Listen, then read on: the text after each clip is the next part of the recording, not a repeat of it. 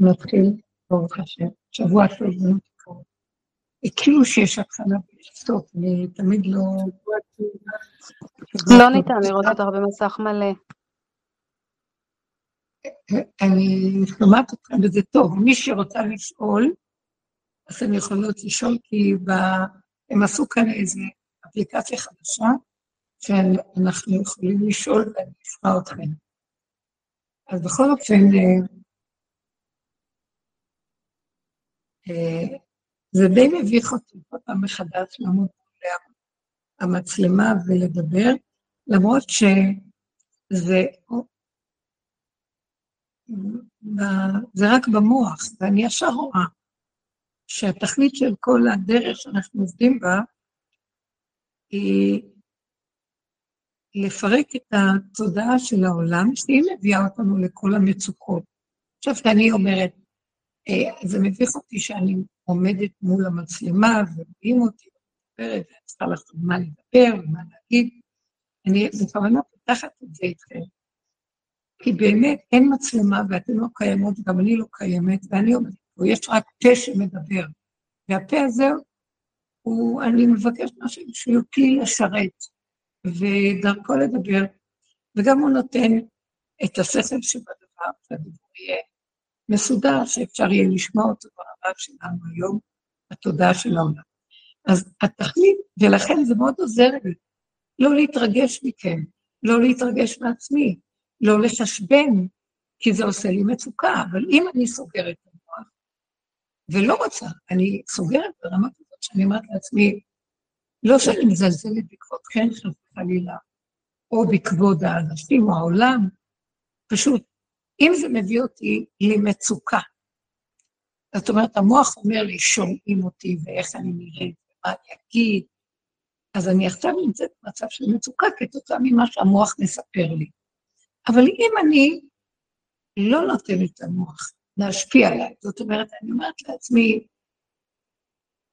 תסגרי, אין אנשים, אין אף אחד, פתח גולם שמדבר, יש צורך בדיבור הזה כנראה, כי אני אגיד לכם למה.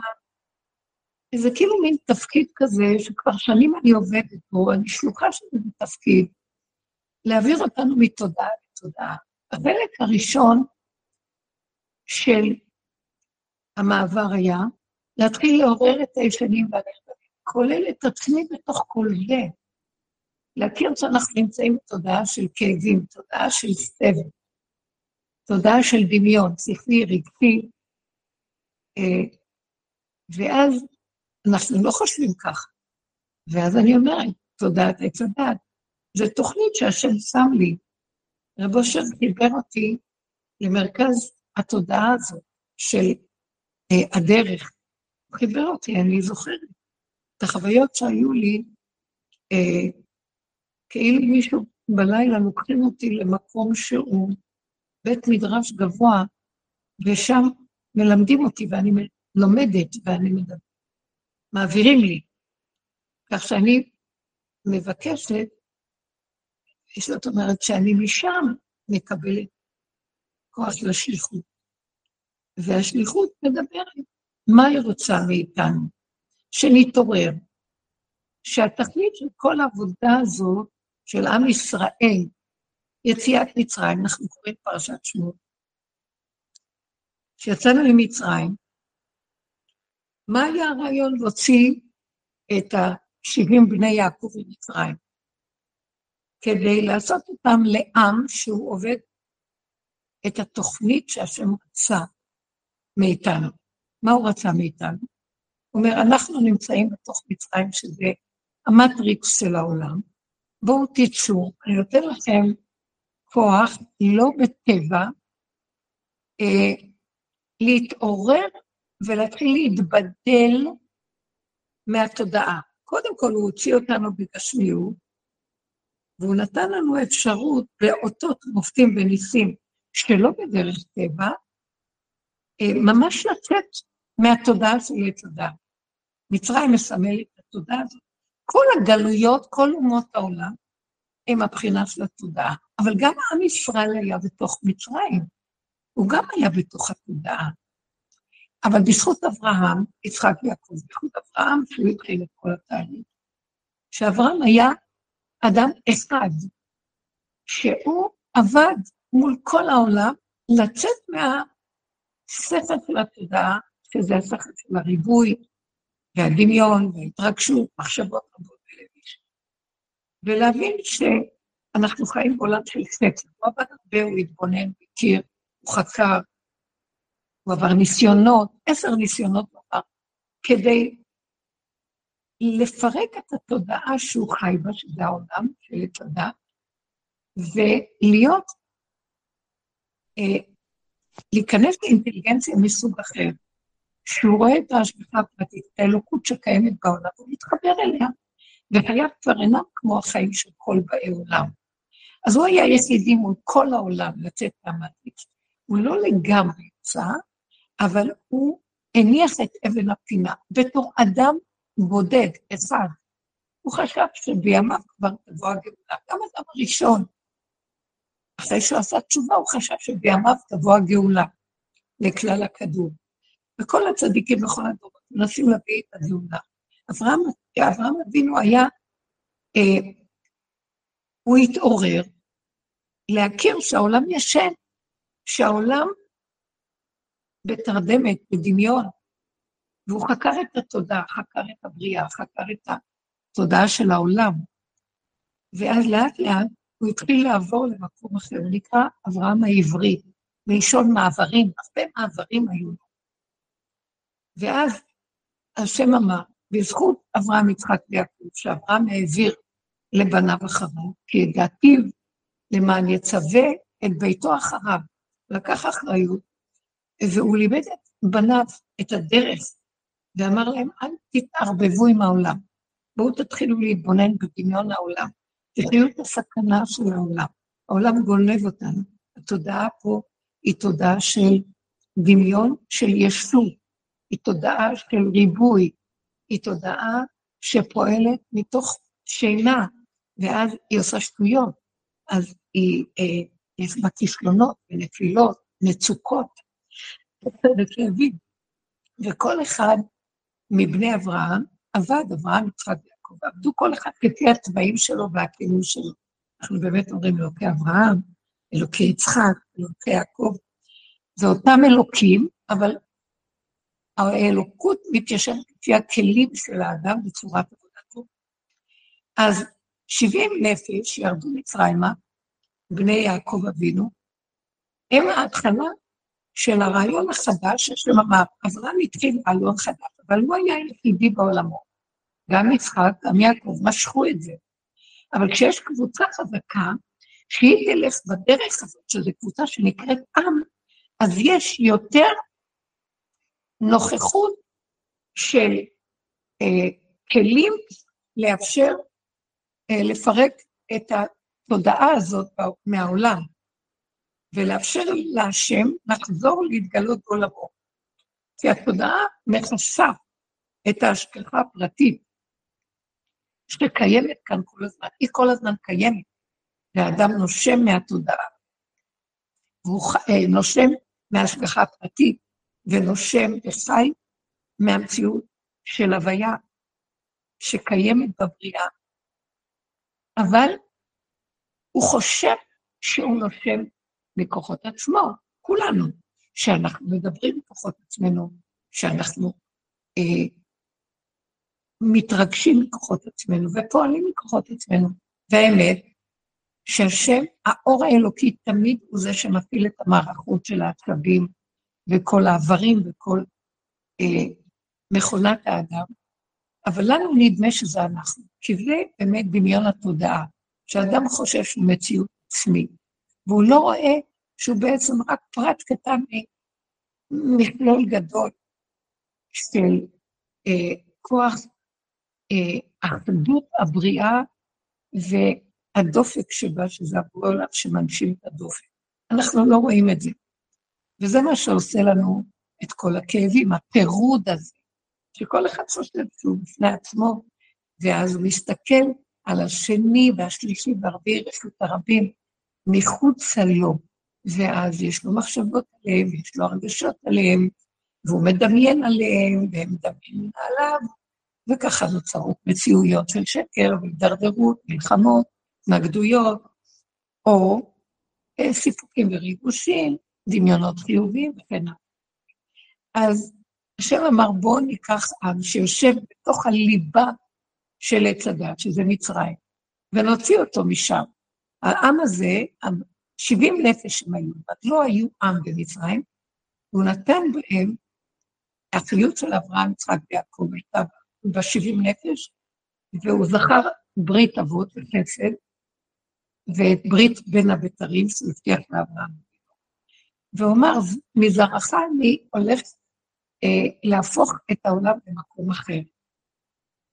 ואז הוא הוציא את עם ישראל ממצרים. עכשיו, עם ישראל ממצרים, אני שואלת, מה, מה בין הגלות, הגאולה הראשונה של מצרים, יציאת מצרים, לבין הגאולה האחרונה? הגאולה של יציאת מצרים הייתה להוציא אותנו קודם כל מהתודעה, אבל לא היה לנו יכולת באופן עצמי לצאת, בשום צורה. היינו טבועים בתוך המצרים, אלו ואלו עובדי עבודה זרה, כך קיטרו גם המלאכים קטרגו במעבר ים סוף. כי כולם עבדו עבודה זרה, אנשים היו בת, בתת רמה, אה, לא היה אז יהדות, לא היה תורה, לא היה, היה כן מסורת אבות של אברהם, יצחק ויעקב, אבל ברבות הזמן, כשהתרבות המצרית השפיעה עליהם, והם פרו ורבו ושרצו, אז הם הלכו לאיבוד והתערבבו בגויים. מצרים הייתה מטרופולין גדול, שכל אומות העולם הגיעו אליהם, הם היו המרכז העולמי, כמו אמריקה, עם כל הערב רב שיש שם, הם אנגלים ופורטוריקנים וסינים ומצרים ואסלאמים וגם יהודים, ומלא אנשים היו, מלא וכל ישראל, כל ארצות הברית מלאה, וכל כך הרבה עמים. ואותו דבר הייתה מצרים, תרבות גדולה. ואז אנשים הולכים לאיבוד בתרבות. אז השם אומר, בואו נוציא אותם. הם לבד לא יכולים לצאת. אין להם יכולת מעצמם ברמה הזאת שנמצאים. אז אני, אני אכנס למצרים, ואני אעשה להם אותות ומופתים. וזה הכל סיפור של הפרשיות האלה, שמות, וירא בו, ובסוף היציאה ממצרים שלה. כל המצב של עם ישראל במצרים היה מאוד ירוק. עכשיו, הוא הוציא אותנו ממצרים, באותות ומופתים, קרא לנו את הים, כאילו הוא העביר אותנו בתהליך של יציאה מתודעת עץ הדת. והביא אותנו למעמד הר סיני במדבר, ונתן לנו הערה אלוקית גדולה מאוד, שנעלמה לגמרי התודעה של עץ הדת. ובמעמד הר סיני, הם הגיעו למדרגה שכל הפירוד של הדעת התפרדה מהם. כל הפירוד של תודעת ותודעת נעלמה, וכולם ראו את השם, ראו את הקולות, ראו את השם, ויצא ישראל בלב אחד כאיש אחד.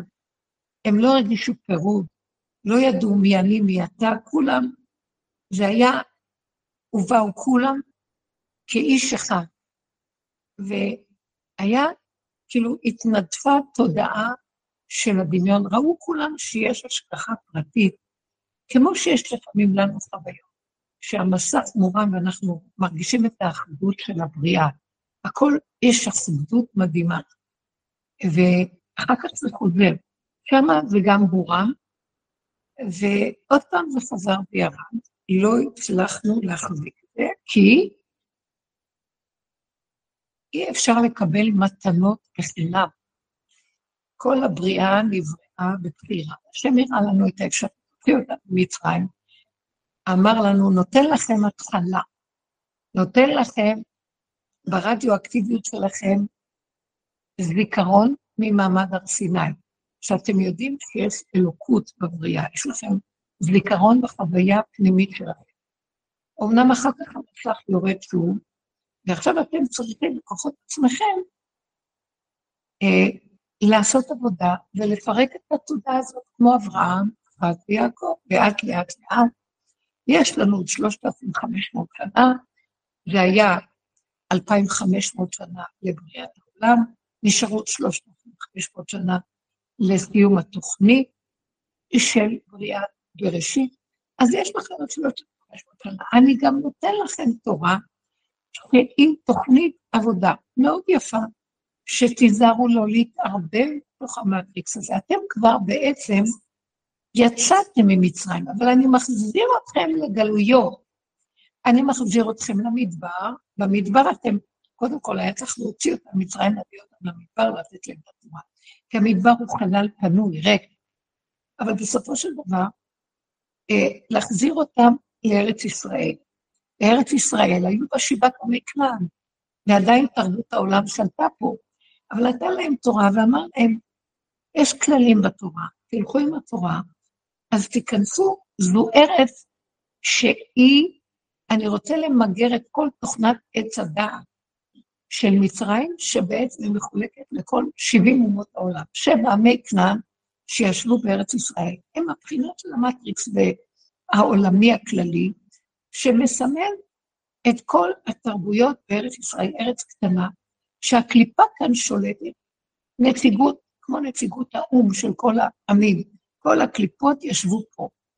ושבעים נפש כנגד שבעה אומות העולם, יש לכם את הכוח של האלוקות שנכנסה בכם, יש לכם את הכללים והחוקה של התורה, של תוכנית העבודה, יש לכם את ארץ ישראל שהיא מסוגלת לאמת, לפשטות, לצמצום, וכל הנתונים האלה ייתנו לכם כוח לעבוד, ותתחילו להיכנס בעבודה.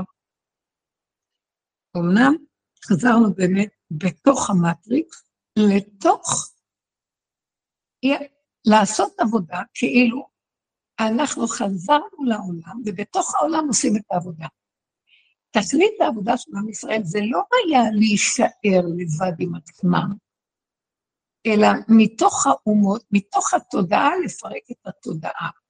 השם הוציא אותם, נתן להם כוח לצאת מהתודעה, ולי, החלק הראשון שנותנים מתנה לבן אדם, אי אפשר לו לאדם באמת להתעורר לבד. אז עוזרים לו, מוציאים אותו, נותנים לו תוכנית, נותנים לו כלים, חיות אלוקית, נותנים לו אותות מופתים ניסים, מעודדים את נפשו בתוכו, על מנת שאחר כך אומרים לו, טוב, כל טוב, אנחנו איתך, אבל בהסתרה.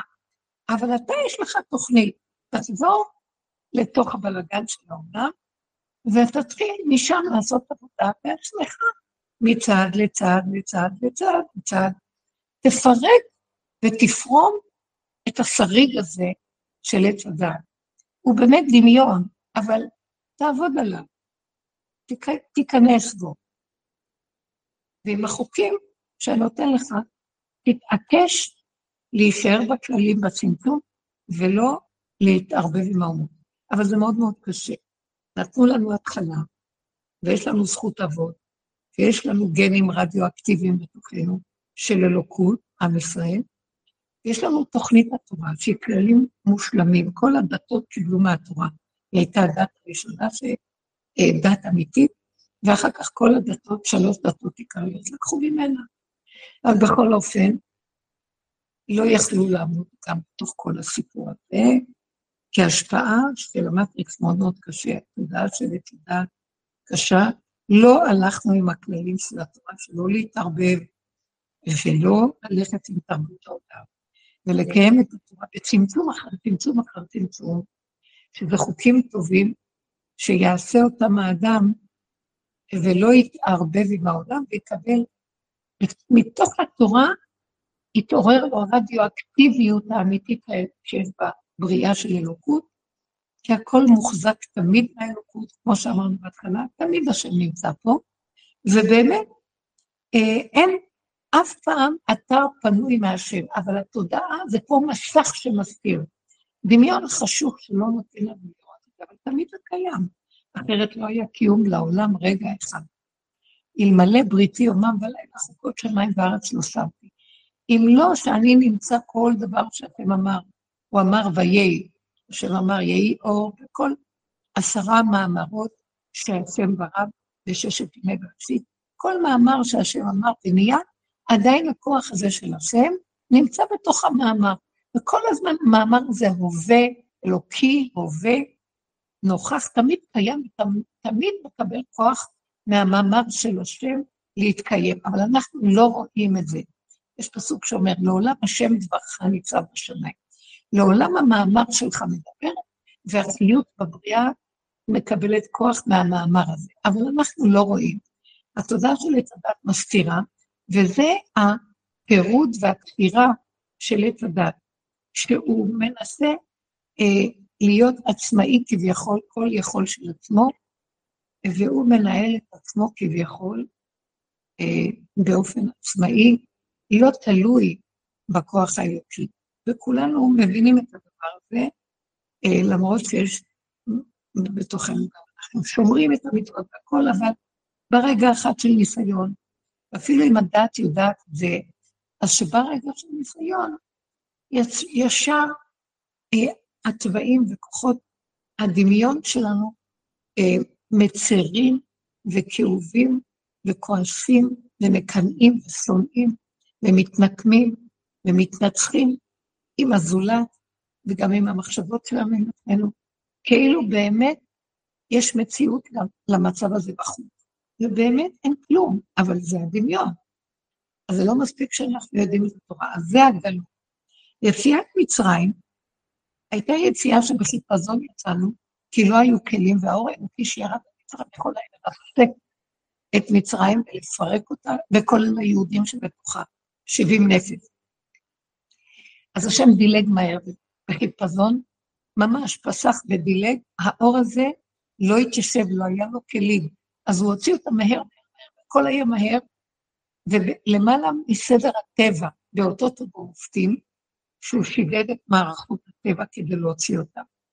ובאמת, באמת, המצב של שידוד מערכות הטבע ועשיית ניסים, הוא לא, הוא לא מעלה גדולה, הרבה מעלה יותר גדולה היא שחוקות הטבע יתקיימו כרגיל ולא יצטרכו לפרק אותם על מנת להוריד את האור האלוקי, כי יש אלוקות בבריאה שהיא נקראת שכינה.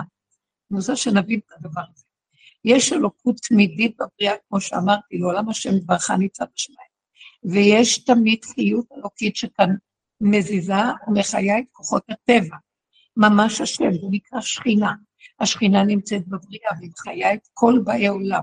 אין כל חי שמחיה את הכול. אבל אנחנו לא רואים את זה. אז כדי שנראה את זה, לשעתו השם מזיז את כל כוחות הטבע הפשוטים. זאת אומרת, הוא עצר את המהלכי טבע הטבעיים, והיה צריך להביא אור מיסוד האור הגדול, כדי להראות להם שיש השם בבריאה. אז יוצא בעצם שכוח השכינה והחוקים שלה בבריאה הזיזו אותו לשעתו כדי להוריד אור יותר גדול. וזה מצב לא פשוט, כי השם ברא בריאה, ונתן חוקים בבריאה. ולכל חוק הוא נתן קיום, ונתן כבוד לקיומו. חוק כזה וחוק כזה. השם מחיה את החוקים שהוא ברא בבריאה, הוא מכבד אותם. חוק השכינה, חוק האלוקות שקיים בחוקי הבריאה. וכשהוא הזיז אותם לשעתו, כביכול הוא עצר אותם מהתוכנית שלו. הם יכולים לבוא בטענה ולהגיד, אבל בראת אותנו, כי אנחנו נקיים את החוק, למה אתה עוצר אותנו מהקיום? אז הוא אומר להם, תסלחו לי, אני מתנצל, זה רק לשעתו, כדי להראות לעולם שיש השם בבריאה, שחוקי הבריאה הם לא מעליהם מתקיימים. המצב של עץ הדת מסתיר, אז אני לשעתו נכנס בכוח של הבריאה הקדוש, החוקים, ומוסיף לו נופך מעולם אחר, שהוא יותר גבוה, שהוא נקרא עולם ניסי. בעולם הזה הוא נקרא עולם ניסי. הנס זה חוק של עולם יותר גבוה שמופיע בעולם הזה, שלא צריך שהוא יופיע, כי החוקים הם בעצמם נס אחד מופלא. השמש זורחת כל יום, זה נס. הכוכבים במשמורותיהם בפסילות שלהם, זה נס. כל דבר דבור על אופניו, שה... ארץ עומדת על כלום והיא מתנהלת, אנחנו נופלים ויש כוח המשיכה שמחליט. זה חוקים יפים, והם בעצמם ניסים, אבל הם ניסים טבעיים שלא צריך לפרק אותם. כשיתגלה גילוי השם באמת, לא צריך ניסים. אנחנו נראה שהארץ עומדת, תולה ארץ על בימה, מי מחזיק אותה? בורא עולם, מעמיד אותה על בימה. נראה שהשמש, השם מבריח אותה, בוקר בוקר, רגע רגע, וזה השם, לא נגיד זה חוק בטבע, נראה את השם בתוך הטבע, אבל אותם חוקים יהיו, כמו שהרמב"ם אומר, עולם כמנהגו נוהג. אז רק לשעתו היה צריך לעשות ניסים. נמצא שעשיית ניסים ברובד הזה של העולם פה, הוא לא מצד המעלה, כי החוקים בעצמם הם מופלאים ואיכותיים וחכמים מאוד. אבל לצורך, כמו שאמרנו, היציאה ממצרים, הוא שידד להם את המערכות של הטבע, והזיז את כל הטבע כמו קריאת ים סוף. למה שהמים ייצרו? מים תפקידם לזרום, פתאום עמדו כמו נד, כמו איזה שתי חומות מצד זה, כדי שתתגלה היבשה.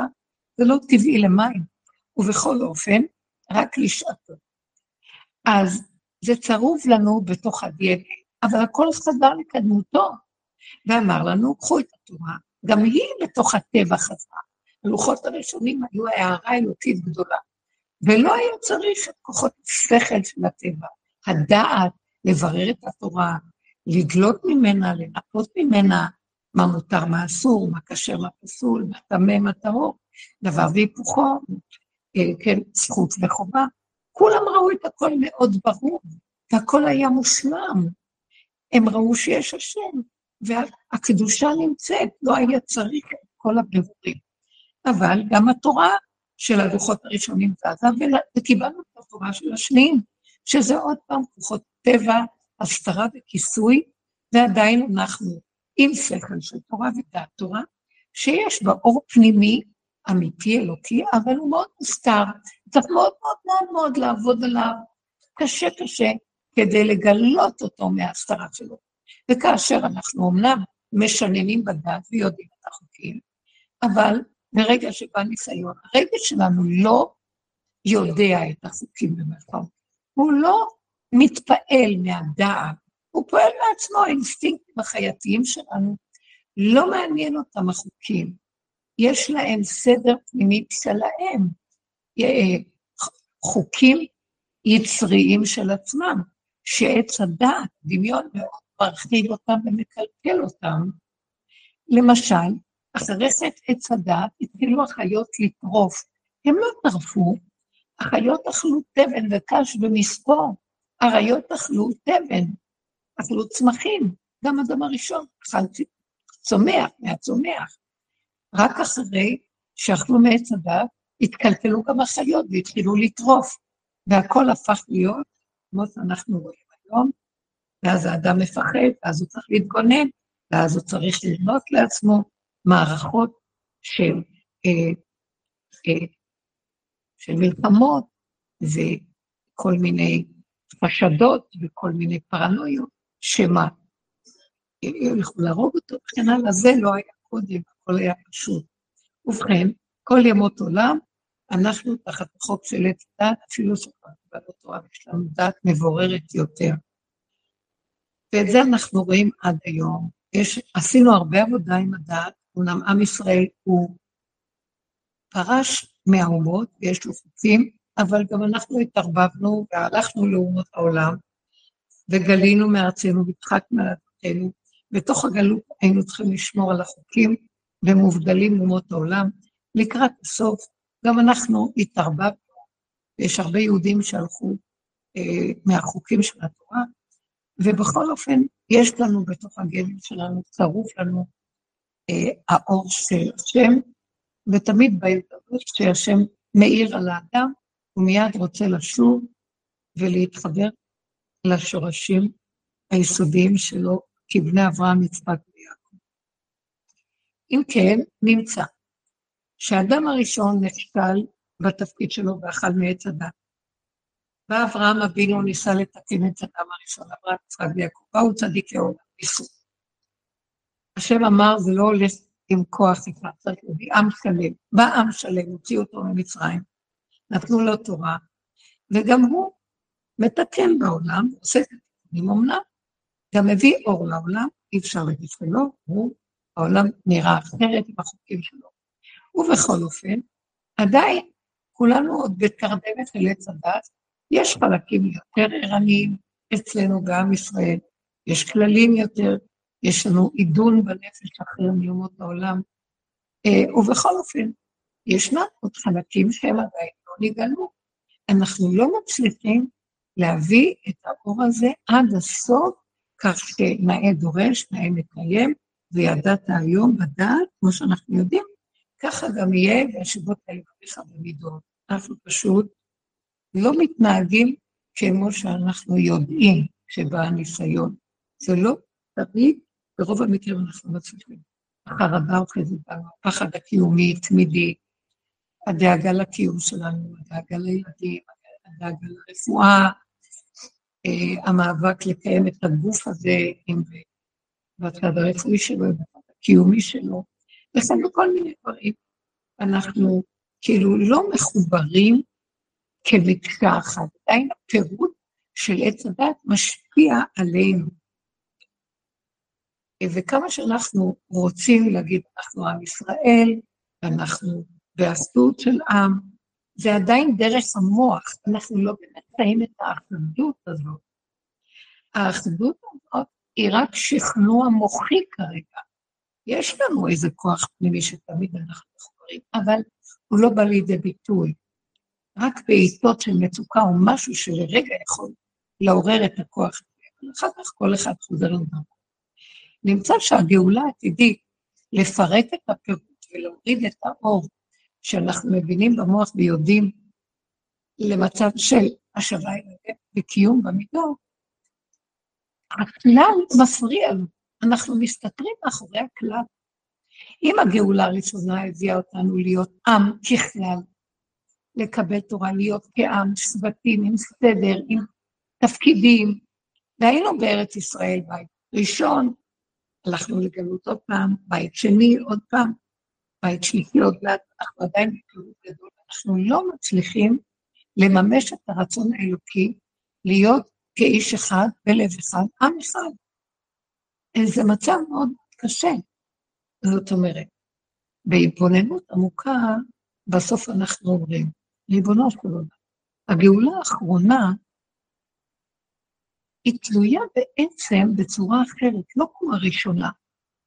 בסופו של דבר, נכון שאנחנו יושבים בארצנו, אבל יש הרבה פירוט, יש הרבה דעות, הרבה רעיונות, הרבה סיסטמות, שיטות, אה, מחלוקות, אה, יש דעות, יש בלבולים.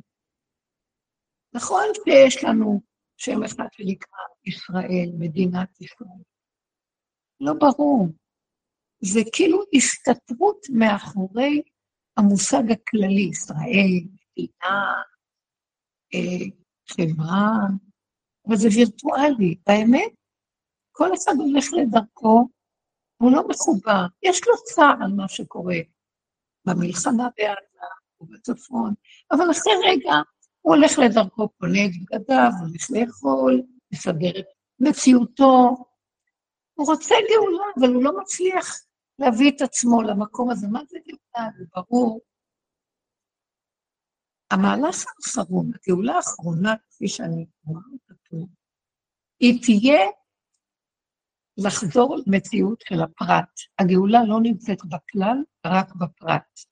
וזה עניינו של משיח. משיח הוא אדם אחד, שלקח את כל הרעיון הכללי ואמר, אני כבר לא רוצה לסמוך על שום כלל, אני עם ישראל. אני הפרט הולך להיות אחד.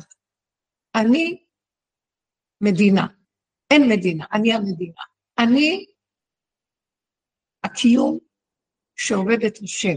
אני לא סומך על זה שבואו כולנו נעשה כנס ונתקבל, בואו נלך לכותל ונעשה כולם תפילת רבים היא דבר מאוד חשוב, ויש לה כוח. אבל אחרי זה חוזרים הביתה, עוד פעם הכוח הזה נעלם. אז בסופו של דבר, אני מסתכלת על אברהם, מסתכלת על אדם הראשון. מהאדם הראשון שלא הצליח, הביאו אותנו מבחינת עם ישראל. שאנחנו נקראים, אתם קרואים אדם, מה שאדם לא הצליח, אתם עם ישראל כאדם. אבל גם אנחנו כעם לא מצליחים להביא את הגאולה הזאת. וכל אומות העולם אפילו, יש הרבה אנטישמים, יש איזו שנאה תת-הכרתית של אומות העולם לעם ישראל, משום שהם יודעים את תת-הכרה שאנחנו אחראים להביא את הגאולה, ואנחנו מצליחים. אנחנו לא מצליחים להביא את האחדות לעולם. אנחנו פירוד, הם אומרים, טוב, אנחנו המטריקס פירוד, והאיסורים שלנו פה גם גדולים, גם אומות העולם סובלים, כל העולם סובל. אבל אתם עם שנבחרתם לשדרג את הכדור לתודעה אחרת, להביא כאן אור אחר. אז איפה אתם? אז הם מאוכזבים, גם כועסים ושונאים. אני גם רואה לפעמים, שירה, יש לה שנאה לישראל, יש לה שנאה למדינת ישראל. כי הם כועסים על הציונים החילונים, כועסים על המצב פה בארץ, שהם לא שומרים, במילים אחרות, הם בתת הכרה יש להם טענה, אתם לא שומרים את החוקים שלכם. אתם הקמתם כאן מדינה שהולכת בלי חוקים, רק חוק המנדטורי, חוק הטורקי, יש לך חוק אחר. אתם חיים בצורה של פירוד. אתם לא מקיימים את ה, מה שאמר לכם התורה, יש מקום שהם יודעים את זה, ואז הם אומרים, אם כן, אין לכם קיום פה. אה, חבל שאתם פה. הארץ הזאת הייתה שייכת לשבעה עמים קודם. למה השם הוריש את שבעת העמים ושם אתכם? כי אתם הייתם צריכים כדור הארץ, ארץ ישראל, היא מדגם מייצג של כל הכדור הזה, היא ארץ קטנה שמכילה את כל האקלימים ואת כל העמים ואת כל המת... אתם הייתם צריכים להביא בתוך ארץ ישראל עם התורה שלכם ישועה לעולם, אתם לא מצליחים להביא, אתם לא מספיק מתאחדים, אתם לא מצליחים להגיע לליבה של מה שביקשו מכם. אם כן, אין לכם כאן קיום, למה אתם יותר טובים מהפלסטינאים, בכל מקום אחר? זאת אומרת, יש שיטת הכרה טענה עלינו, והטענה צודקת. כי השם שם אותנו פה כדי לתת לנו אפשרות עם הנתונים הכי מתאימים, התורה, שזה הכלים שלה, היא לקיים אותה בארץ ישראל. ארץ ישראל שהיא מסוגלת לאמת, ארץ של אמת, היא מצומצמת, היא נקודה קטנה בתוך כל היקום הגדול, שמכילה את כל היקום שוב.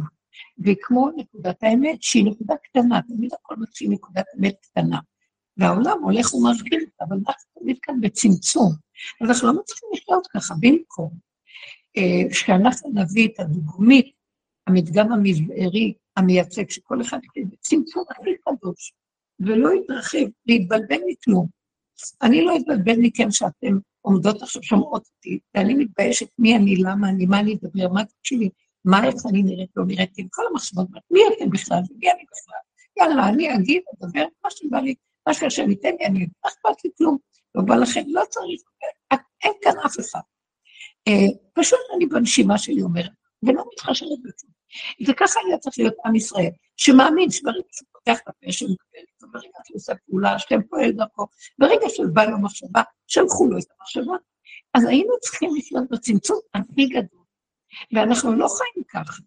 אנחנו חיים גם כמו אומות העולם, מרגישים, שומעים, לנו חשבה, יש לנו דעות, מחשבות והרגשות, ואנחנו מאוד אה, אה, מתבלבלים, ויש לנו ספק, ויש לנו כן ולא, אנחנו יודעים להחליט ביניהם, יש לנו הרבה אפשרויות, ואולי ככה ואולי ככה, ויש, אה, אף פעם אנחנו לא מרוכזים בנקודה של כאן, ושואפים, אולי נגיע לשם, שם נגיע לנו תשובה, אבל אם נעשה כך, אולי שם זאת תהיה התוצאה יותר נכונה, מה שעכשיו זה לא.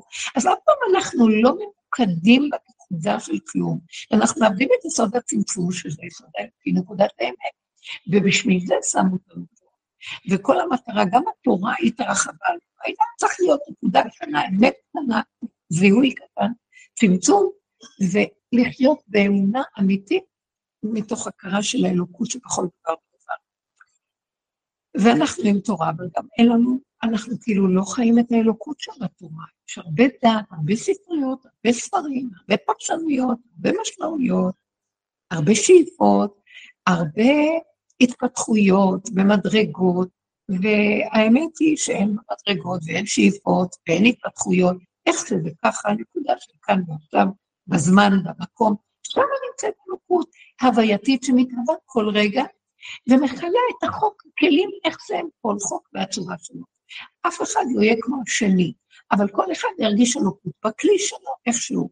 וזה היופי של השם, ומה אכפת לו שהשני הוא כלי אחר, ולא כמוהו? כי כולם שייכים להשם, אבל אני שייכת לעצמי. ואם אני מחיה עם הנקודה של עצמי, איך שאני ככה, השם שבתוכי מכוון אותי לכל כלל, ואני לא צריכה לעשות שטיקים וטריקים וחיבורים. בואו נרים טלפון, בואו נשאר מה נשמע, בואו נגיד להם, שעמם לי עכשיו, בואו נתיק את הסיממון, בואו נעשה את זה. כי אלוקות חיה כל הזמן בתוך האדם. והיא לא בשיממון. מי שנוגע בנקודת הנצח לא משעמם לו. אנחנו לא לגמרי שם, אבל מי שמגיע עכשיו, לקראת הסוף אנחנו רואים, הכלליות של העם לא מצליח.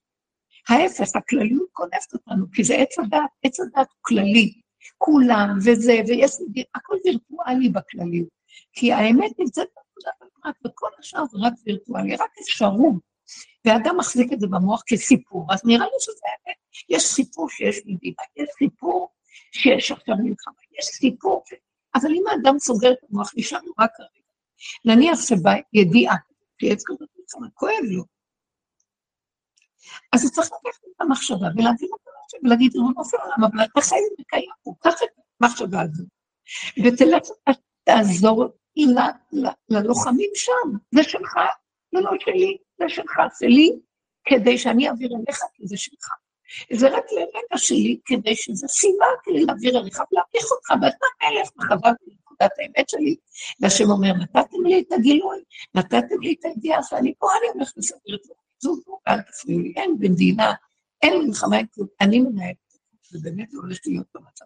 אז זאת אומרת, המצב שהוציאו אותנו ממצרים, ואז היינו במצרים, ככלל, אה, נהיינו עם, לקראת סוף הדורות, והגלויות והנפילות, וחזרנו לארצנו, ועוד אמר, אנחנו לא מצליחים. יש פתרון אחר, יש דרך שהוא רוצה להביא לנו. תדעו לכם, אומר, כמו שאחד היה אברהם, גם אני רוצה שכל אחד אחד מכם יחזור להיות אחד. תעשו את העבודה בתוככם, ותפסיקו אה, להישען על הכלל. ישראל ערבים בזה בזה, הוא יעשה מצווה, זה יש לי חלק בה, אני אעשה מה שיש לי חלק בה. זה מחזר, זה גניבה, עץ הדת גונב את הכול. את כל הכלליות הזאת יש גניבה נוראית של עץ הדת. אה, עשיתי מה שאני רוצה שכולם ידעו, כי כולם צריכים, מה אני מחשבנת לכולם? עשיתי משהו, השם עשה דרכי. ממני אליו, ממנו אליי. ממך, משלך, מידיך נתנו לך. אין לנו עצמיות. אז ברגע שאני מרים את המוח שלי לראות שיש כלל, מיד עץ הדעת גונב, זה תודעה גונבת, מין אה, כזה קדיש שהם עולים עד התקרה ואומרים, תראו אותי, אני מטפס גבוה ליד האורות. אנחנו צריכים להיות פשוטים, נקיים, צמצום, כאן ועכשיו. זאת אומרת, הגאולה האחרונה תלויה בלקחת כל דמיון הכלליות ולהביא אותו לנקודת הפרט. אחד היה אברהם. הוא לא מבין, הוא לא יודע, הוא יודע שהוא במקום אחד וכל העולם מעבר השני. אברהם העברי. בשביל זה קיבלנו את הדרך הזאת. הדרך הזאת, בית מדרשו של יהודה זה דרך של רב אושר, אה, גם הוא לקח מהשורש שמה, וזו דרך מדהימה שהוא חי אותה, וקהילה את עליה, מסר את מציאותו על הדרך. צמצום אחר צמצום. להיכנס לנקודת הפרט, לגאול את השכינה, את האמת שנמצאת פה, את החוק הטבעי הפשוט, שיש לו מקום לחיות עם גילוי השם, זאת אומרת, שלא תחשוב ניסים כדי לדעת שיש השם. החוק עצמו זה השם, אני נושם זה נס, אני הולך זה נס, אני מדבר זה נס, מישהו מדבר ממני, מישהו מוליך אותי, מישהו דרכי פועל וחושב, זה אור אלוקים, וזהו. כל האני הזה והישות הזאת והאישיות של השקר הזה לא, מה היא?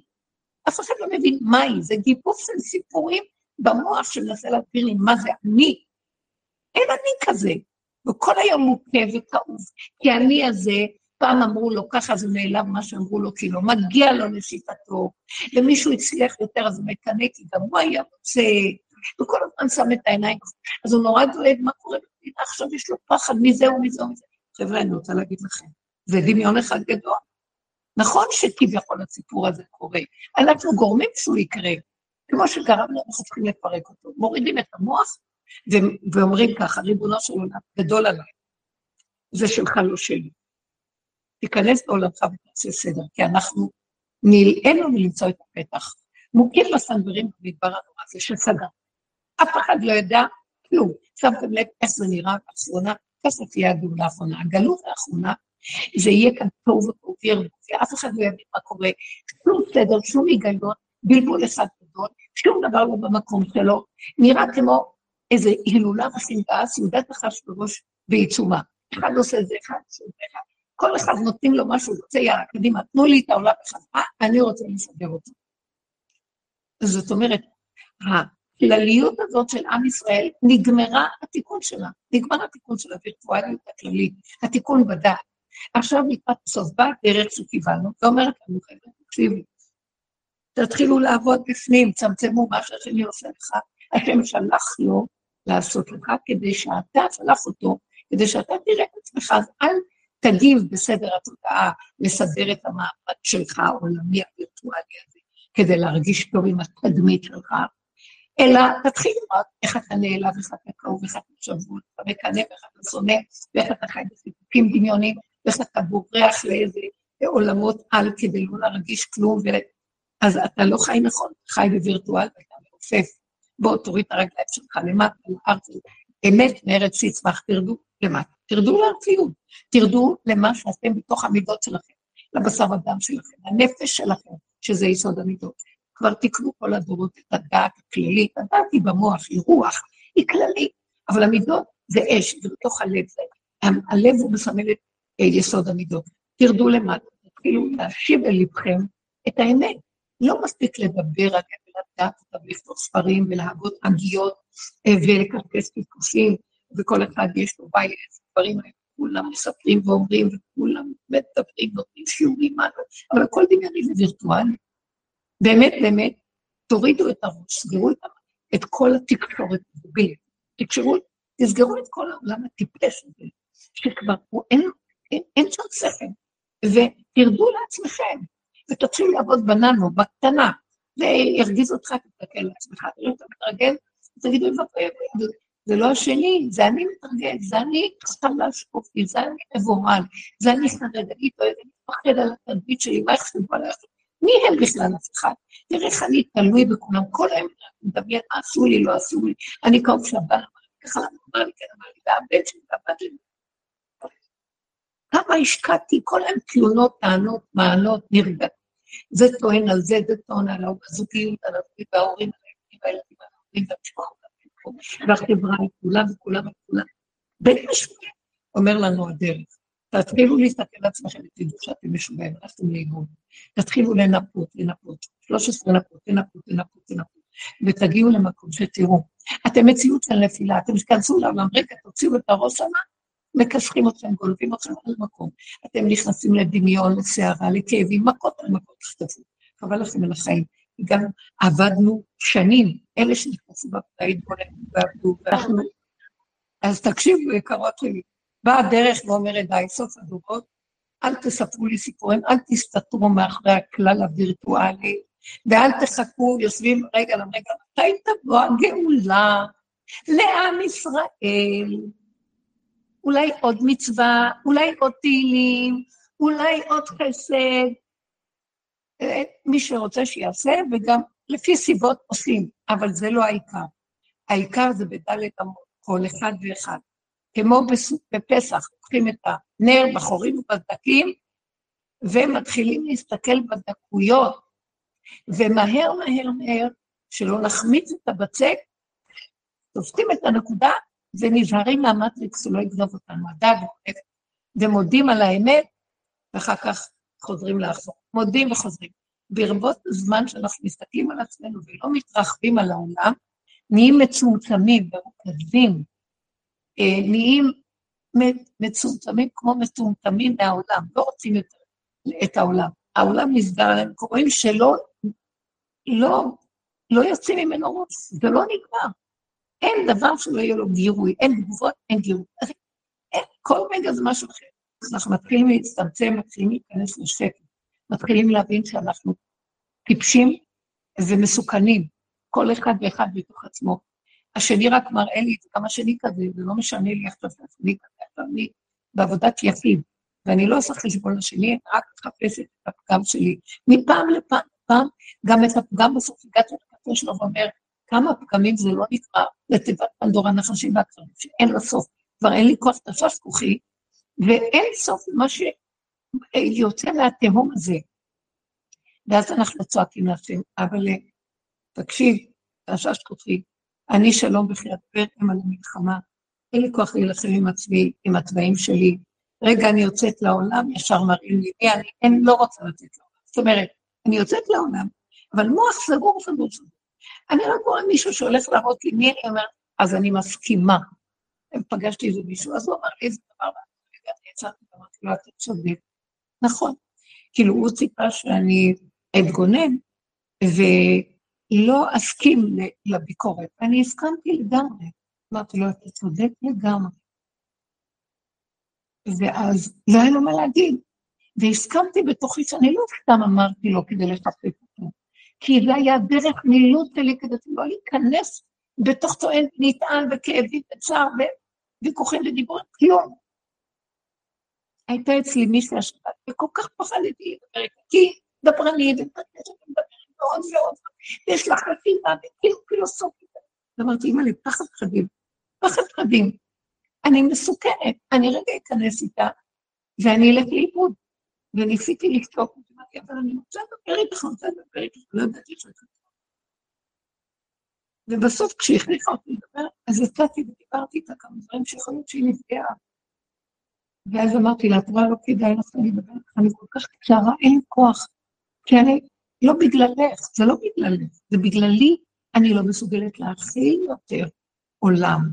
אני חוזרת לצמצום רגע אחרי רגע, ואני נופלת בכל אשר אני רוצה שיביא אותי, יוציא אותי ממציאות העולם, בדרגה של האחדות עם עצמי. מה זה אחדות עם עצמי? אחדות עם הכלל היא מאוד קשה. מה זה אחדות עם עצמי? אני מתאחדת עם כל הפגמים שלי, אני מסכימה להם, מחבקת אותם, הם לא פגמים, הם דמיון שהמוח שלי משגע אותי.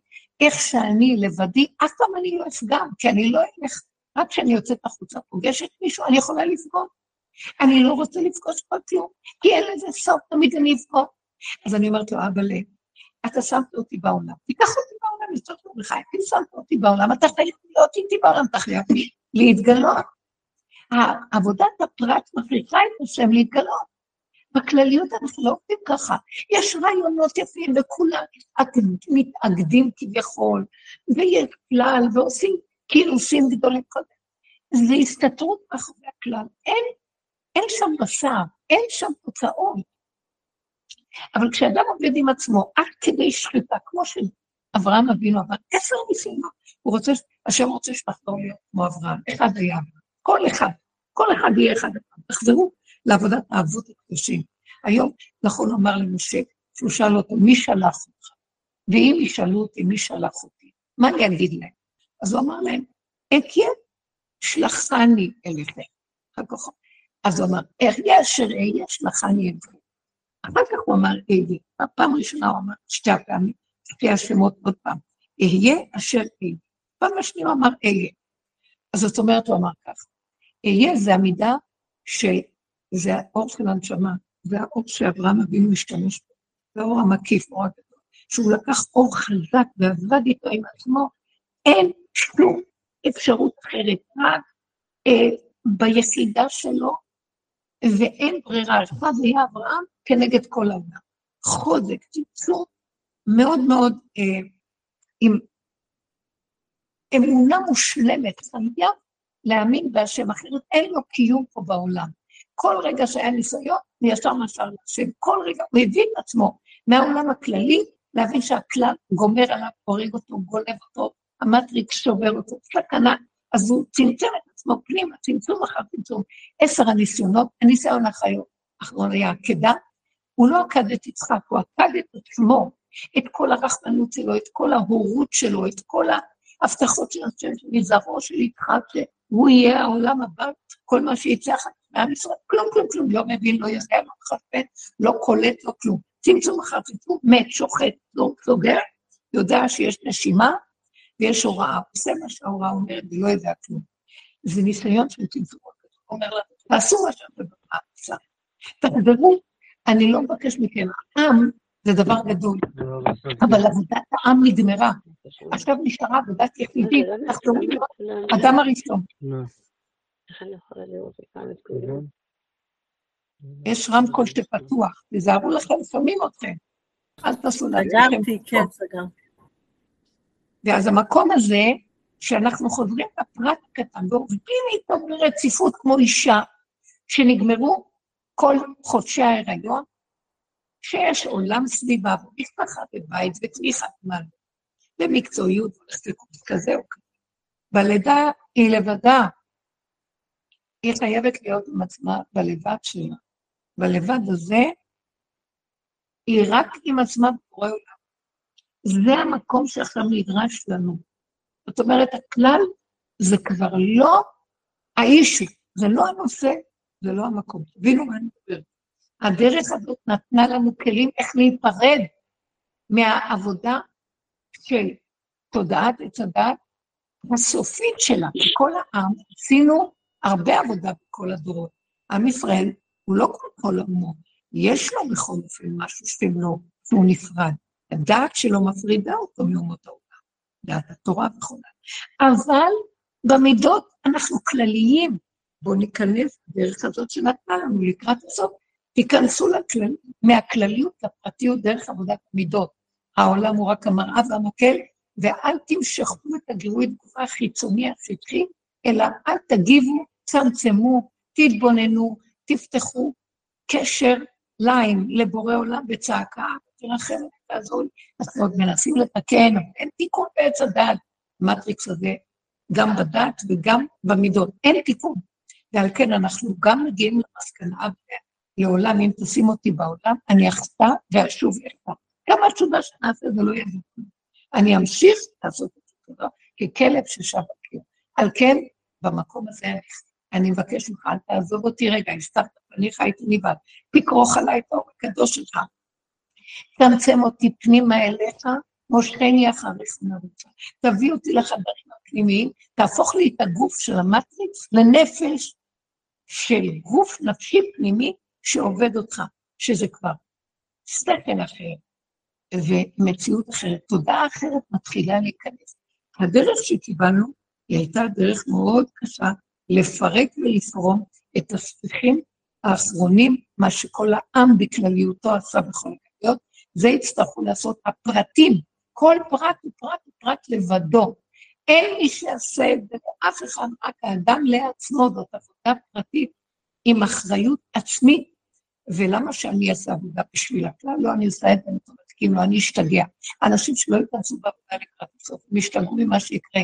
כי לא יהיה כאן היגיון ולא יהיה סדר, תהיה מערבולת שאף אחד לא יחזיק מעמד, אם ירים את הראש, לנסות להבין מה קורה. אין שכל ואין הבנה ואין השגה.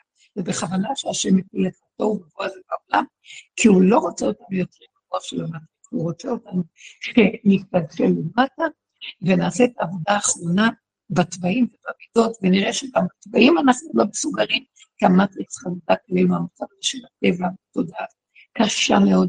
כל כך הרבה נביאים נשלחו כאן להתוות כל הדורות, לא יעזור כלום. חזרנו, חורבן בית ראשון, חורבן שני, המון נביאים, המון חכמים, גמרא, מה לא נתנו חוכמה אדירה לישראל, חוקים מדהים, כלום לא יעזור. אנחנו בסכנה. תמיד יש את האנשים התורה, אבל עדיין תחושת העצמיות היא קשה, היא גונבת, לא ממליכים את השם באמת, לא נזרקים עליו בתחושה של לא רוצה להיות אה, מחובר לדמיון שלי, למחשבות שלי, לרקע שלי, כי הם מתאים אותי, מכים בי כל האיסורים, כל המצוקות שלי זה מזה. אני לא רוצה להישאר שם. השם תציל אותי ואל תעזוב אותי. אז הפנים שלנו מתחילות להצטמצם, מפנים את הגב לעולם, הפנים שלנו לעולם. האדם הפרקטי, זה יסודו של משיח. משיח זה אדם אחד שהוא יגאל את כל העולם. אז יש אחד כזה שעושה עבודה כזאת, חזקה חזקה חזקה, של צמצום גדול מאוד. הוא קורס עיגול סביב עצמו ואומר, אני לא יוצא מהעיגול הזה, נכון, היא המעגל. זה כל החכמים שעשו הצדיקים, שאמרו, אני לא יוצא מפה. משה רבנו, כתוב במדרש, שמרים נצטרעה, ואהרון אומר למשה, תתפלל על אחותנו שהיא נהייתה מצורעת. אז אפשר היה לשאול, למה אתה, אהרון, לא מתפלל? הלא אתה באמת אח שלה ואדם גדול בפני עצמך, תתפלל אתה. אז התשובה הייתה, אני אח שלה ואני כל כך נגוע בה שאני לא יכול להתפלל, אני לא, בתור אח קרוב, אני לא יכול אה, להתפלל עליה, כי התפילה שלי נגועה. ואתה, משה, פחות נגוע. אז משה רבנו אמר, גם אני בסכנה של נגיעות. אז מה הוא עשה? הוא חם אה, עיגול סביבו, ואמר, ריבונו שלם, אני לא יוצא מהעיגול הזה, עד שאתה תרפא למרם. אנא, כן לפניי. מה פירוש חג, חג עיגול? הוא אמר, אני מפריד את עצמי מכל הרגש שלי אליה, מכל האחיזה במשפחתיות, מכל הקשר שלי בכלל לישראל ולמישהו מהעם הזה. כלום, כלום, כלום. התפילה שלי צריכה להיות בלי נגיעה, בלי שייכות, בלי רגש, שכל כולי ריק משום אחיזה, שם התפילה מתקבלת. כי אני רק אומר, אנא כל פנתה, זהו. זה אתה נכנס בי, מי נותן לי את הדיבור הזה? אתה. מי נכנס בי? אתה. למה? כי אני לא נגוע, כי אני לא שייך למטריקס. כי עשיתי לי הפרדה, אני בעיגול אחר. נכנסתי לרובד אחר, נכנסתי פנימה לתודעה אלוקית, לא קשור בעולם. משם התפילה מתקבלת, משם אתה אומר, וזה נהיה מה שגזר ונהיה, הוא אמר, היי, ככה האדם אומר, וזה נהיה. זה המקום שאנחנו לאט לאט צריכים להגיע אליו, שלא נהיה פטורים. גם המשפחתיות גונבת אותנו. הרגש המשפחתי, החיבה. אני מציעה לאימהות שמדברות איתי, שהילד אצלם ואבא, שהשם ישמור עליהם שמירה גדולה, והוא ישמור עליהם. אמרתי להם, תצמצמו את הכוחות שלכם, של הדאגה, וזו עבודה הכי קטנה, שבדרך מבינות את זה. צמצמו, תאפקו, תרימו את זה להשם ותגידו, אבל זה עוד מטבע אימא שלי, הטבע זה יכול להרוג ולהחריב, כי נשים רחמניות גם בישלו ילדיהם. אז אני אומר לך את הפגם שלי, ואני אומר לך את הסכנה שלי בעולם פה, ואתה הכי טוב לבנו שלנו, אני נותן לך קורבן, מקריב לך לפניך את הנפש שלי, הדאגה שלי, את הטבע שלי, כמו אברהם אבינו, שהקריב להשם את כל האבהות שלו והרחמים שלו בתור אבא. אני מקריב לך את כל זה, אתה השם תשמור, כי אתה באותו רגע תעשה נס ותשמור עליו, ויהיה כרוך יחד עם כל החיים שלך. זו שמירה טובה. אני מציעה את זה לאימהות, שתשמרו. בכלל לא רק על ילדים בעזה, שילד קטן חוצה את הכביש או כל דבר דחופה, מחשבה שבאה ישר להעביר אותה לאבא שלך. זה לא שלי, אני לא יכול להכיל אותה, אני דואג, אני יכול את אשר יגור תיכף בשלום. שלא יבוא לי, זה יכול לבוא, כי הדאגה של האדם גורמת. זה ככה חוק המטריקס. זה עץ הדת מסוכן מאוד, לא להתרחם פה.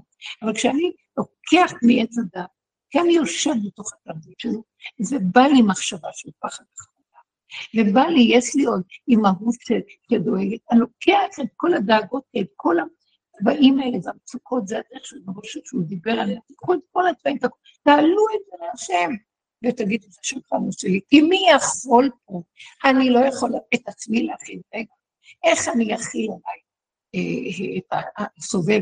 ואנחנו כאן בדמיון מזעזע וירטואלי של יכולת הכלה מאוד גדול, ואחריות קולקטיבית מאוד גדולה, ואנחנו נעשה למען כולם. זה, זה דמיון של ישות גנבה גדולה מאוד, שהיינו חייבים גם בתוך היהדות לעבור אותה, כי זה דומה ודומה לתקן. זה מתוך עץ הדת, אי אפשר לתקן את עץ הדת רק דרך הגנבה עצמה. גדלות וחשיבות עצמית וכל זה. לאט לאט מתוך זה אנחנו מפרקים, עד שמגיעים לסוף הדור. אין לנו כוח לכלום. אנחנו קטנים מכדי להכיל פה כלום, גם מי מקשיב לנו? האזרח כל כך עלוב, ממנו כל הבחירה של הממשלה, של כל זה, מי שם עליו אחרת? זה גנבת דעת נוראית לאור היום. אין בכלל שלטון עם שזה נקרא דמוקרטיה, אלא לקחו את הכוח, מצפצפים על כולם, עושים מה בא להם, ואנחנו כאן עומדים חסרי אונים, אז לא נשים שם את המוח. כי עכשיו זה לא השעה שאני יכול להשפיע שם משהו. לא, זה רק למטה בתוכי, צעד אחר צעד, למסור את המוח הדאגני הזה, המוח שכועס, המוח ששופט, שמקטריץ, ולהגיד לו, אבל כלו כל הקיצים, רק אתה תיכנס, אתה זה תדר, מה זה אתה? אתה התדר האלוקי הזה, יורד בתוך הגוף הזה, ואז האדם מקבל עוז ותעצומות, ופעמים דרגה אחרת להיות בדריכות, בחוזק, בצמצום גדול, באמת לאמיתה, שה, שהגוף שלו עובר להיות מציאות נפש. זאת אומרת, מילה שלו פועלת, פעולה שלו עושה הדים גדולים. והאדם הזה הוא מרוכז ומצומצם, הוא מפחד מהעולם שלו להתערבב איתו. זה מה שנקרא משיח יושב בפתחה של רומי. הוא יושב במקום הכי גרוע, מת מפחד שלא יתגנב, ורק אחוז בהשם, מכריח אותו להיות כל הזמן אחוז בהשם, שמא הוא ייפול לתוך הפגם של העולם. אבל הוא לא בעולם, הוא לא מעורבב בעולם. אנחנו חייבים לדעת לאסוף את הכוחות שלנו מהעולם ולצמצם אותם פנימה, ולהתחזק עם עוצמה פנימית גדולה מאוד. להפסיק לקשקש לקושרים ולהתחבר חיבורים וכל מיני חברויות וכל מיני משפטיות. כן, אנחנו פועלים בקטן, הכל בקטן ובשחקו אותה קצת קטן. לא צריך להתווכח ולהתנצח, תשתקו ותיעלמו מעל השטח. במקום הזה השם מתגלה ודרכנו פועל. הוא פועל במשפחתיות ומזכה את כל המשפחה להיות סופר, שגם הם ייכנסו בעבודה. הוא מזכה אותנו איפה שאנחנו לא הולכים, אם זה בחנויות, אם זה בקניות, שאנחנו מדביקים את האנשים עם האור הילדי שנמצא בתוכנו. אתם לא מאמינים איך שזה פועל. ככה לאט לאט מתחיל להתגן השם בעולמו, והוא יפעל לסדר את הבלגן. והוא בעצם עושה עכשיו את הבלגן. הוא מכניס את הטוב והרוע לבלבל הכל, כי הוא לא רוצה יותר סדר, הוא לא רוצה שליטת מוח, הוא לא רוצה הבנה והשגה, זה כאילו אה, אנחנו אוחזים פה. לא, זה באמת הופך להיות טוב עבור הדרכה.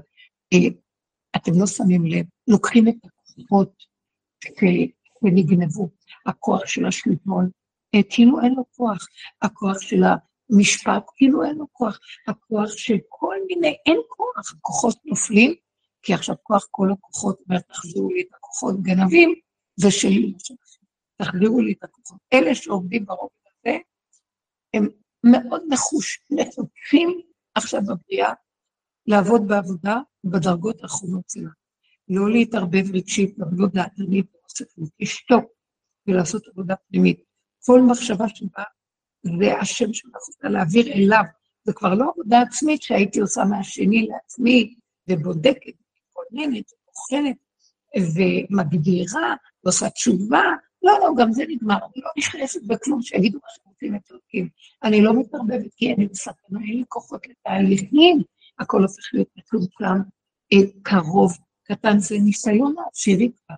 זה ניסיון של צמצום מאוד גדול, שלא לשים לב לקולות שמסביב, הם גונבים מאוד מאוד חזק, ולא מאפשרים לי למסור את הכל להשם. אני בנחישות מאוד גדולה, שכל מה שיקרה עכשיו זה שלך.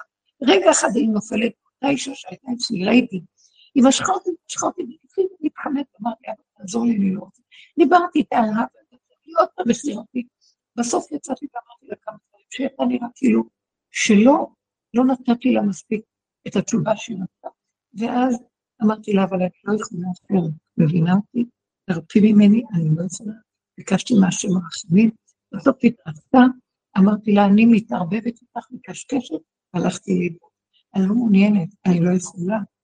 אני לא מסוגלת. רואה, יש ארוחה כזאת, תאכלי, יש מיטה נוחה, תשמעי, ויש מה את רוצה, תשתה קפה, תגיד, נשמע, את רוצה, תדברי, אבל אל תצפי ממני לתשובה של סליחה שתגרור לתוך הדעות וכל ההבנות והשדות שלך, קשה לי מאוד.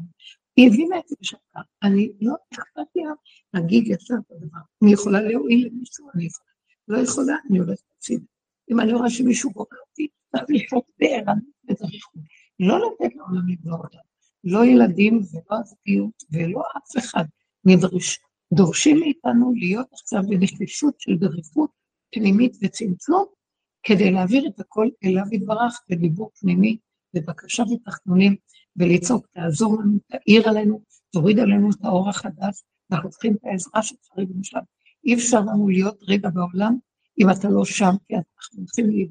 משה רבנו לא רצה ללכת לגאול לא שהוא היה ענב, אנחנו לוקחים את הוא היה ענב בכל אדם. הוא לא רצה, הוא התחמק מהבקשה של השם בסנה, תחזור והלוך ואחרים אחר, עוד פעם מתווכח, עוד פעם אומר לו, כל פעם הוא רוצה איזה פגם אחר להגיד לו, הוא לא רצה ללכת בגלל שהוא פחד מעצמו, הוא ילך למצרים, לא יאמינו, לא ייחשף אליהם. הוא, הוא, הוא, ייכנס לפרעה, והוא יהיה גאוותן ויהיר על פרעה, כי הוא חכם גדול, משה רבנו צדיק וחכם. מי זה הפרעה העלוב הזה? אז הוא ירים עליו ראש. אה, זה בקדושה שיש בו, הוא פחד מכל המציאות הזאת, הוא הולך לתוך ליבה של המטריקס הזה, לתוך מנגנון הצדה, לסכנה, וגם עם ישראל גם היה בסכנה מאוד גדולה. הוא אמר, הם לא יאמינו לי, לא זה, לא זה. עם כל מה שהשם אומר, הוא לא מוכן לקבל. עד שהשם הכריח וכל זאת מפאת זה שהוא חי את סכנתו בגלל הפגם של עצמו, בגלל שהוא פחד, הוא היה כל כך ריקני, מסתובב במדבריות, רואה את צאן יתרו במדבר, מה לו ולעולם שלמד וצריך ללכת לקהיר, לך עכשיו למצרים, ולך למלכות שיושבת בראשונה ותיכנס. אני, אני פחד מפרעה, פחד מעצמו. אז בכל אופן הוא אמר לעצמם, אם אין פניך או לא תימנו אל תלך אני לא הולך אם אתה לא איתי, אז הוא הבטיח לו, אם אתה לא תלך איתי, תדבר, אני לא הולך, אני לא. אז אנחנו צריכים לבקש, אתה שמת אותנו בעולם, יש לי משפחה, יש לי... ואני בתוך דרך, בשנייה שאני יכולה לגלוש ולהתערבב צריך לי כל מה שקורה פה. אני לא רוצה, תרחם עליי, תכניס לי את האור הקדוש, ואתה תעטוף באור הקדוש, שאני תחילת כואב ולא נראה, כי ישר אני מגיב, תרחם עליי, זה קשה פה, אתה יודע. חבל עלינו, אבל אחד כזה שווה מיליון, שתיים, מכם יניסו רבבה. לא חבל, אחד יניס אלף ושתיים. אז אנחנו צריכים את הצמצום הזה. ולהפסיק להישען על כלליות ועל עם וכל זה. נגמרה עבודת העם. אני אומרת לכם, מסר אמיתי, נגמר עבודת העם. נגמר לדבר גבוהה גבוהה לכולם וכולם וכולם. מי שרוצה שידבר, זה בזבוז כוח גבוה. אבל מי שבאמת חי, זה להיכנס לחבר, לסגור ולהישאר שם, רק עם השם, אין כלום. ואנחנו בתוך העולם. שימו לב, זה רק בתוך הנפש נראה חבר. עדיין לא בקניות, אנחנו עם המשפחה, אנחנו פה ושם, וצריך להיזהר, לא להתערבב, ולא לתת ממשות, ולא להשתגע בכלום, ובא לי איזה הרגש, ובא לי עוד פעם מגיע, ועוד כאן, אז אני ישר לוקחת את זה, אבל אני בסכנה, תחזיק אותי, אני אגיב, אני לא רוצה להגיב, תכריח, אל תכריח, תרחם. אני בוחרת בדלת אמות אחריך, מושכני החוצה. אני רוצה להגיע ליסוד צדיק באמונתו אישית, בא חבקוק והעמידן על אחד. אני בוחרת אני לא יוצא, לא מוכן, כי אני ראיתי, אני ראיתי שאני מסוכנת, וכל רגע המטריקס הזה יעורר אותי, והלכתי לאיבוד. אני, אני לא באה בטענות למטריקס, זה החוקה שלו פה, אני לא באה בטענות לעולם, למדינה, לזה. איך לא? הם לא יכולים אחרת, זה ככה זה. כל הכלליות הזאת, ככה זה החוק שלה, כולה כבר בווירטואליות, בדמיונות, בהשגות הגבוהות. אני לא באה בטענות יותר כלום, אני באה בטענות עצמי שאני מסוכנת לצאת משם. אז אותי, תיכנס לתוכי, תחזיק אותי, תשמור עליי, תעטוף אותי. ופרסת כנפיך כנפיך, תקדש אותי. אישה מבקשת קידושים מהשם, תקדש אותי. אנחנו בתור, אחד כזה זה כלל ישראל, שעובד אמיתי, שלוקח אחריות, שמצמצם נכון, לקחת את זה בעולם עכשיו. אז תבינו, לא להסתר אחרי הכלליות, זה מאוד יפה, זה גונב רעיון ממש גרנדיוטי. עם ישראל, מי כמוני מתה, מה באמת, בתוך עמי עושים את זה. אבל זה לא, עכשיו זו עבודה אחרת. זה לא עושה פעולות, זה לא, אין תוצאות. זה בריחה. זה בריחה באיזה רעיון כללי, נשענים על הכלליות. אה, אני זוכרת שלפני הרבה שנים, לפני שהרב אלישיב נפטר, ואני זוכרת, המון שנים, אולי 15 שנה. אז uh, כמה רבנים ניגשו אליו, אחד מהם שאני עבדתי איתו קרוב, ואמרו, בואו נעשה כנס גדול, חיזוק העם, יש מצבים קשים, יש מצבים גם ישראל קשים, זה לא נולד מהיום, בואו נעשה כינוס לכלל ישראל, ונעשה, רצו ממנו הסכמה וברכה. אמר להם הרב יוסי, תקשיבו, מספיק להסתתר מאחורי הכלל, כל אחד יודע נגד עצמו, כל אחד ייכנס בדלת עכשיו ויעשה תשובה אמיתית. תראו מה הוא ענה להם כבר אז. אה, אנחנו, זה יפה, זה רעיונות יפים, אבל האמת, הוא גם עבד על עצמו, הוא לקח את החיים שלו, צמצם אותם, חי בדלת אמות, יצא ממנו מה שיצא, הוא דרש מעצמו. כל אחד מבחינת משיח בתוכו, הוא משיח הפרט. כל אחד הוא הגאולה של עצמו, אל תחכו לשום דבר. באמת, אם יהיו עשרה כאלה, אז יש גילוי השם, זה כבר, האדם זה כבר גאל את הדלת של עצמו. מאיפה אני יודעת מתי קוראים לנו איזה יום פקודה לכל אחד אחד? לא להיות יותר פה בגוף, אבל האדם עשה עבודה לגאול את נפשו, נחשב לו שהוא בעולם החירות. אה, תקשיבו, אין מי שיעשה לנו כלום, תיזהרו לכם. ראו זרתן, לא להתערבב עם העולם ולא להיכנס בדעת. כן, אנחנו לא מבזים חלילה, ואנחנו ממשיכים לפי הסיבות, לא מתנדבים לרוץ כמו פעם, אבל אם דופקים בדלת, אם צריכים עזרה, פותחים, נותנים, עושים. מישהו רוצה לבוא, מזמינים, בבקשה, עושים זה, עושים זה, בקטן, במציאות, במתיקות ונחת, כמו ילד קטן, ושמחים ומודים להשם. אבל נזהרים מאוד לא להפחיד את המוח החוצה ולרוץ על גדולות ונפורות ברעיונות. הכל קרוב אליך הדבר, בצמצום אה, זמן ומקום מצומצם, במדרגת היחידה. אנחנו בונים את מדרגת היחידה שלנו, שאיך אמרנו, אצילה מחרב, עפי מיד כלב יחידתי. הכלב רוצה לאכול אותה, אז אנחנו צריכים לשמור אותה. ביחידה יש גילוי של יחידו של עולם, בתוך היחידה. בתוכנו, אנחנו עולם קטן. אתם יודעים, האדם הוא יקום שלם בתוכו. גם האלוקות בתוכו, הכל בתוכו, כל העובדים בתוכו, הכל בתוכו. מתוכו הוא יכול להביא את כל הגאולה בשקט. זה בחינה של משיח. הוא אדם כזה שכל כולו, תוך כולו, תוכו רצוף עבודה, אהבה ויראה. יראת הרמות להשם, ואנחנו אומרים, דרך אחד כזה, אירועי ישועה, יש כמה כאלה, מסתובבים פוטנציאלים כאלה, בבחינה שהם בכוח, והשם, מה זה, הרמב"ם אומר, שמשיח כל אחד, עד שיבוא מצב שירד עליו אור מיוחד, כי השם יבחר בו, כי הוא רואה שהוא מתמסר ועובד כלים, יש לו כלים, ומוסר את נפשו, אז הוא יוריד עליו אור עליון מעולם הגנוז, מהאור הניסי. אבל הוא בסך הכל גם בן אדם שעובד, שהשקיע בעצמו, שנתן, ואנחנו לא יודעים מה זה משיח הכלל, אנחנו יודעים משיח הכלל.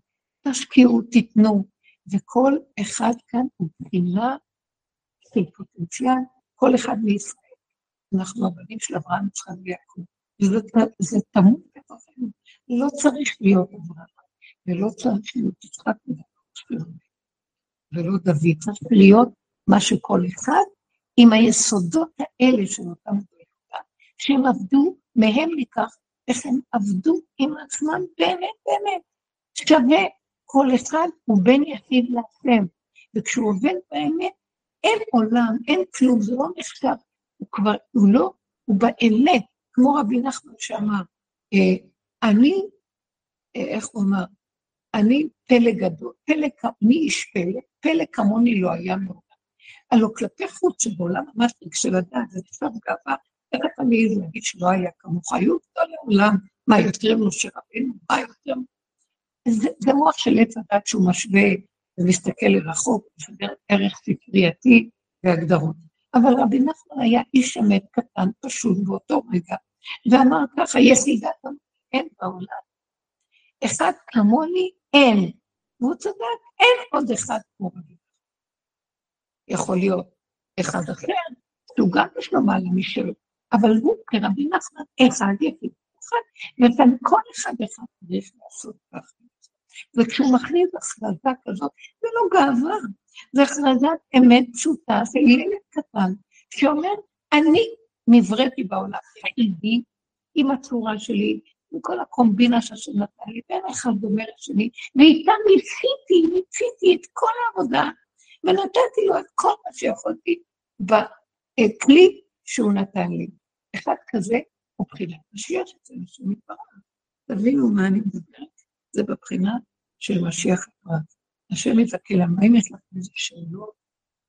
והגאולה האחרונה, זה מה שרציתי להגיד, לא תהיה כמו הגאולה הראשונה, שזה בכלליות וכולם, מה שלא היו במדבר ונפלו וקמו, ומשה רבנו צועק, כמה, אני כבר אגיד לכם, איך משכימים, ואיך אתם עובדים את השם, ואיך אתם...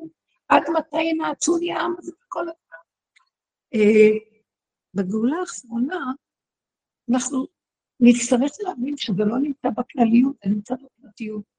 והגאולה הראשונה הייתה בבהילות ובריצה, והגאולה האחרונה, אם נעבוד ברמת הפרט, כל אחד בשקט שמה, אני מרגישה שקט. כשאני אומרת לעצמי, אין לי כוח להתמודד עכשיו, אני אצא רגע לעץ הדת, אני נופלת בניסיונות. והניסיון האחרון זה להגיד לך, אני לא נכנסת בניסיונות, מחזירה לך את הבחירה, מחזירה לך את הבחירה, הבחירה האחרונה שלי זה להחזיר לך את הבחירה ולהגיד לך, אני לא רוצה להיות בבחירה, אתה הבחירה שלי, תיכנס לך בתוכי ותנהיג אותי ברצחה, תחזיר אותי להיות אדם ראשון לפני החטא, נגמר לי מהחטא וכל האלה דברים, אני לא יכולה. ברגע שאני חוזרת למקום הזה, יש לי שקט, כנראה, כנראה. העץ הדת זה המצוקות, החשבונות, אני חוזרת לשלווה הזאת, שלווה מדהימה, אתם יודעים מה זה עושה השלווה הזאת?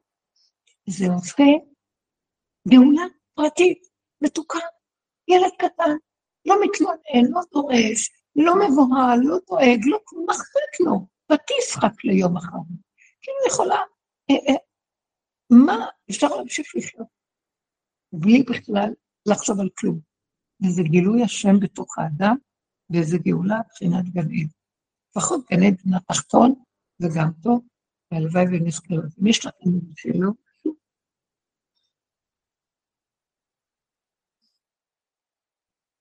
שבוע טוב, הרבנית. שבוע טוב, כן. אמ, זה יותר תהייה, אה, הלא להתערבב עם העולם, זה ממש ברמה של, אה, של סינית, כאילו אי אפשר לדבר עם אנשים אפילו היום. הם לא מבינים מה שאתה אומר להם, ואז אתה מוצא את עצמך, טוב, עדיף כבר לשתוק ולהסתובב נכון. על אחוריך, מה שנקרא. נכון, אנחנו ממש סינית, כאילו, כן? אז אל תתפעלי מזה גם. וככה זה עכשיו. אז למה לי אה, לדבר, לשבור את השיניים סקיני? לא, לא, לא יכולה, וזהו. יש דברים שאנחנו אומרים בקטן, בקלות, בפשטות, עדיף לנו לשמור את האנרגיות ולפתוח את הפה ולהתפלל תפילות להשם, מתוך המציאות של עצמנו, אבל תעזור לי, תעזוב אותי. אבל תעזור לי שאני לא אפגע באנשים, כי אני נכנסתי לתוך עצמי, אני לא רוצה להיות מנותקת, אבל אני נכנסתי לעצמי כדי לשמור על עצמי מכל ההשפעות החיצוניות, על מנת להיות כלי שלך, תיכנס בתוכי, ואל תשאיר אותי בבדידות, כי ברגע שאתה נכנס לתוכי, נהיה לי שמחת עולם ואני לא מרגישה בדידות, וגם בקלות שאתה מחבר לכל מה שזז, בלי ללכת לאיבוד בתוך כל השקר שלנו. אנחנו צריכים לדבר, צריכים לדבר. אה, מתוך המציאות שלנו, יפה מאוד, ממש, כמו שאת אומרת, זה מאוד נכון. ככה זה, אין לנו כוח לשבור את השיניים ולנסות לשכנע או לדבר. אני באמצע להגיד מילה, אני כבר מתעייפת. לא כל שכן, אה, להכריח את עצמי למשהו, תיכנסו כמו ילדים קטנים בדלת, אבל תבקשו ממנו שיפתח ויאיר את האור שלו ויוריד עלינו, שנרגיש את השייכות אליו ולא נהיה בבדידות.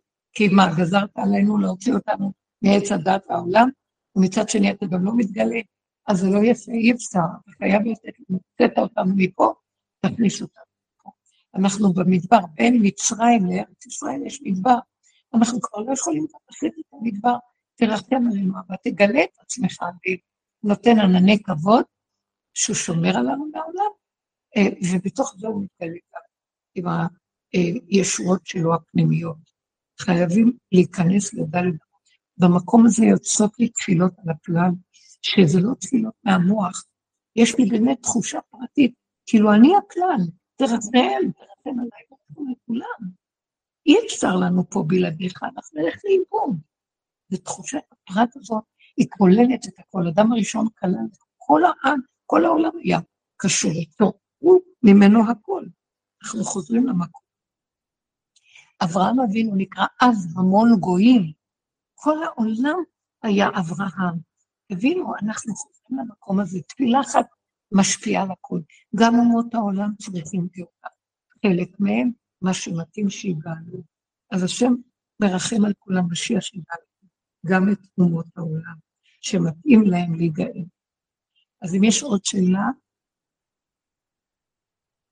באמת אה, אני רציתי לשתף, אה, מאז אה, השיעורים האחרונים, באמת כשאני מסתובבת בירושלים, אני יכולה לראות שבאמת הכל מושגח בהשגחה פרטית. אני ממש מרגישה את זה בחוש, שאי אפשר, כאילו, אני רואה אותו שבלעדיו לא יכול להתקיים פה כלום. זה משהו חדש שאני רואה לאחרונה, וזה יפה לראות את זה, זה מח... כאילו אשראי, אשראי, באמת נכון. אשראי. אנחנו נתחיל להבין את זה. חבר'ה, לא לדאוג למה שקורה, זה לא שלנו. זה לא שלנו, תרפו. אבל אם בא לנו איזה דאגה או איזה משהו שמפחיד אותנו, זה סיבה שהוא סלח להגיד, זה שלך, לא שלי. היום הניסיונות שבאים לנו הם לא ניסיונות, רק ההתחלה שלהם, מיד תעביר אותם בחזרה, לבקש. זה לא שלי, זה שלך, תיכנס, תסדר את זה. אני מאמינה בך, אני מחזירה לך את המלכות, תתגלה במלכותך, בהודעתך, בהודך ויופייך. תסדר את העולם, כי נלאינו ולמצוא את הפתח הלכנו לאיבוד פה. הכל תת רמה, תרחם ותיכנס. ובאמת הוא נכנס, ובאמת, אל תתבלבלו, זה לא שלנו עכשיו, זה לא שלנו. אנחנו רק מתכווצים פנימה כדי לא להתבלבל ולהעצים את הקלקול על ידי הסערה שהווירטואל הזה, ובכל אופן לפתוח את הפה ולבקש שיהיה גילוי, ושנהיה שמורים, ושנרגיש את הקשר איתו, שנהיה רגועים ונהיה שמחים. זה כאילו, זה כבר לא מה שהיה פעם, שבזמן מלחמה לא עושים ככה, או כן עושים ככה, מצטרפים מה שהכלל, ומה שכאילו בצער הכלל, כל הזה. לא, הוא אומר, אל תצטערו בכלום, אל תתבלבלו מכלום, אל תשתעפו לכלום, תנו לי, זה שלי, לכו בדלת אמותיכם, וכמו ילדים קטנים שגם לא יודעים מה קורה, חיים את מה שהם צריכים, יש להם צורך כזה, תבקשו, תקבלו. ואתם צריכים, לכו תקנו, לכו תעשו, בלי מוח על העולם. זה מפריע לי, תנו לי את העולם שלי, אני הולך להתגלות לעשות פה. ישועות, סדר נכון, סדר העולמי החיים. תודה רבה לכם, בנות, שבוע טוב, וישועות עולות, שהשם יאיר עלינו אור חדש לציון תאיר, מתוך הכנעה והנועה של הכלים הפנימיים אליו יתברך. כן, יהיה רצון. תודה רבה. תדעו לכם, תדעו לכם שזה עובד יותר מכל הקשקושים, כל מה שקורה בחוץ. זאת הדרך שעובדת. אל תחשבו שאנחנו צריכים להיות מישהו כדי להזיז משהו בעולם. צריכים להיות כלום כדי שהוא יתגלה ויעשה הכול. תודה. שבוע טוב. שבוע טוב. תודה.